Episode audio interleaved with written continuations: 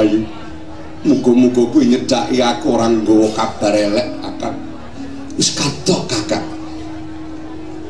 Yen iki ora diayomi saka Gusti sing gawe jagat putuku wis remuk-rempuk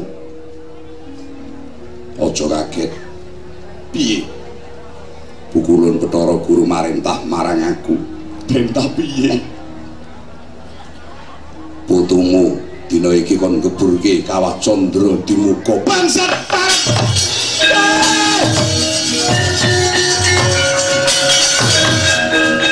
bangsat betara guru!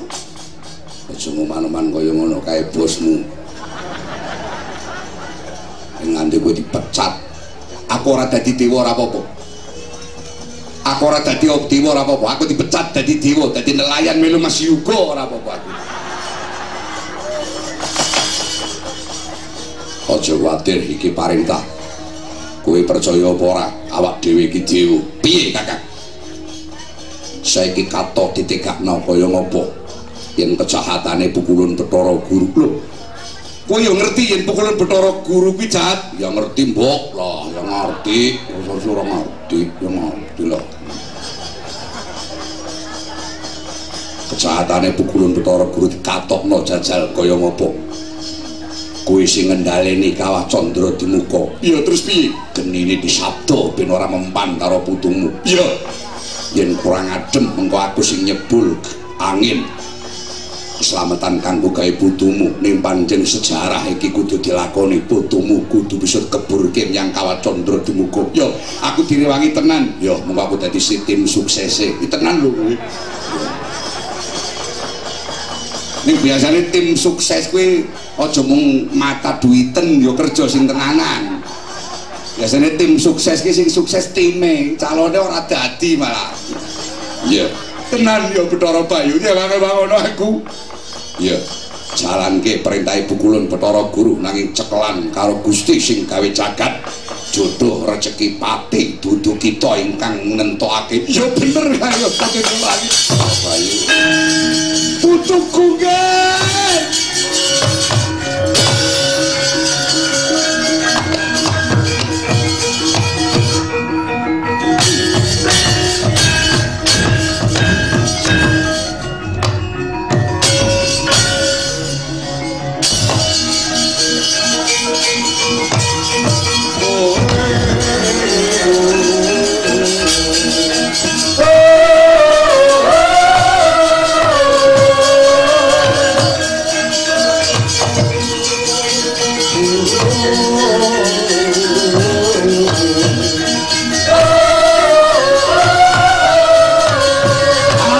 Alexandra Timuco.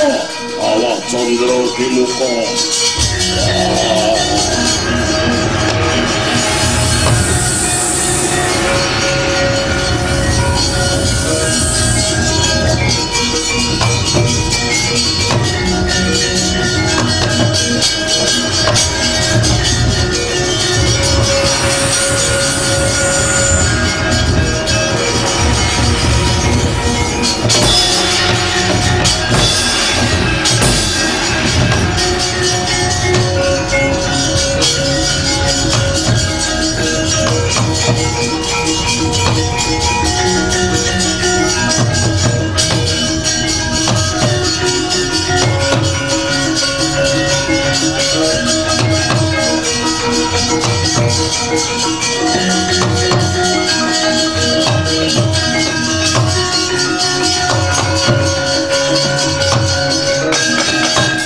Ragu-ragu.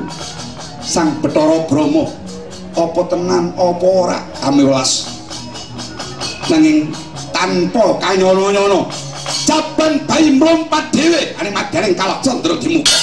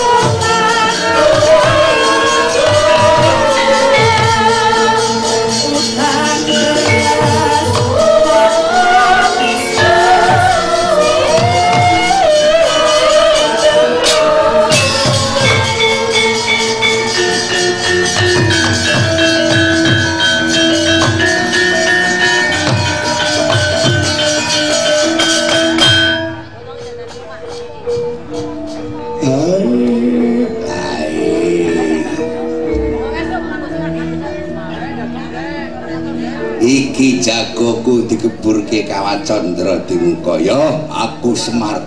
Tak susule ndara bosku anyar eh betara guru utekmu bosok sapa sing nandur mesti ngunduh sapa sing utang kudu balekke kuwi jarak perkara karo bocah sing durung ngenal dosa jajal kaya ngapa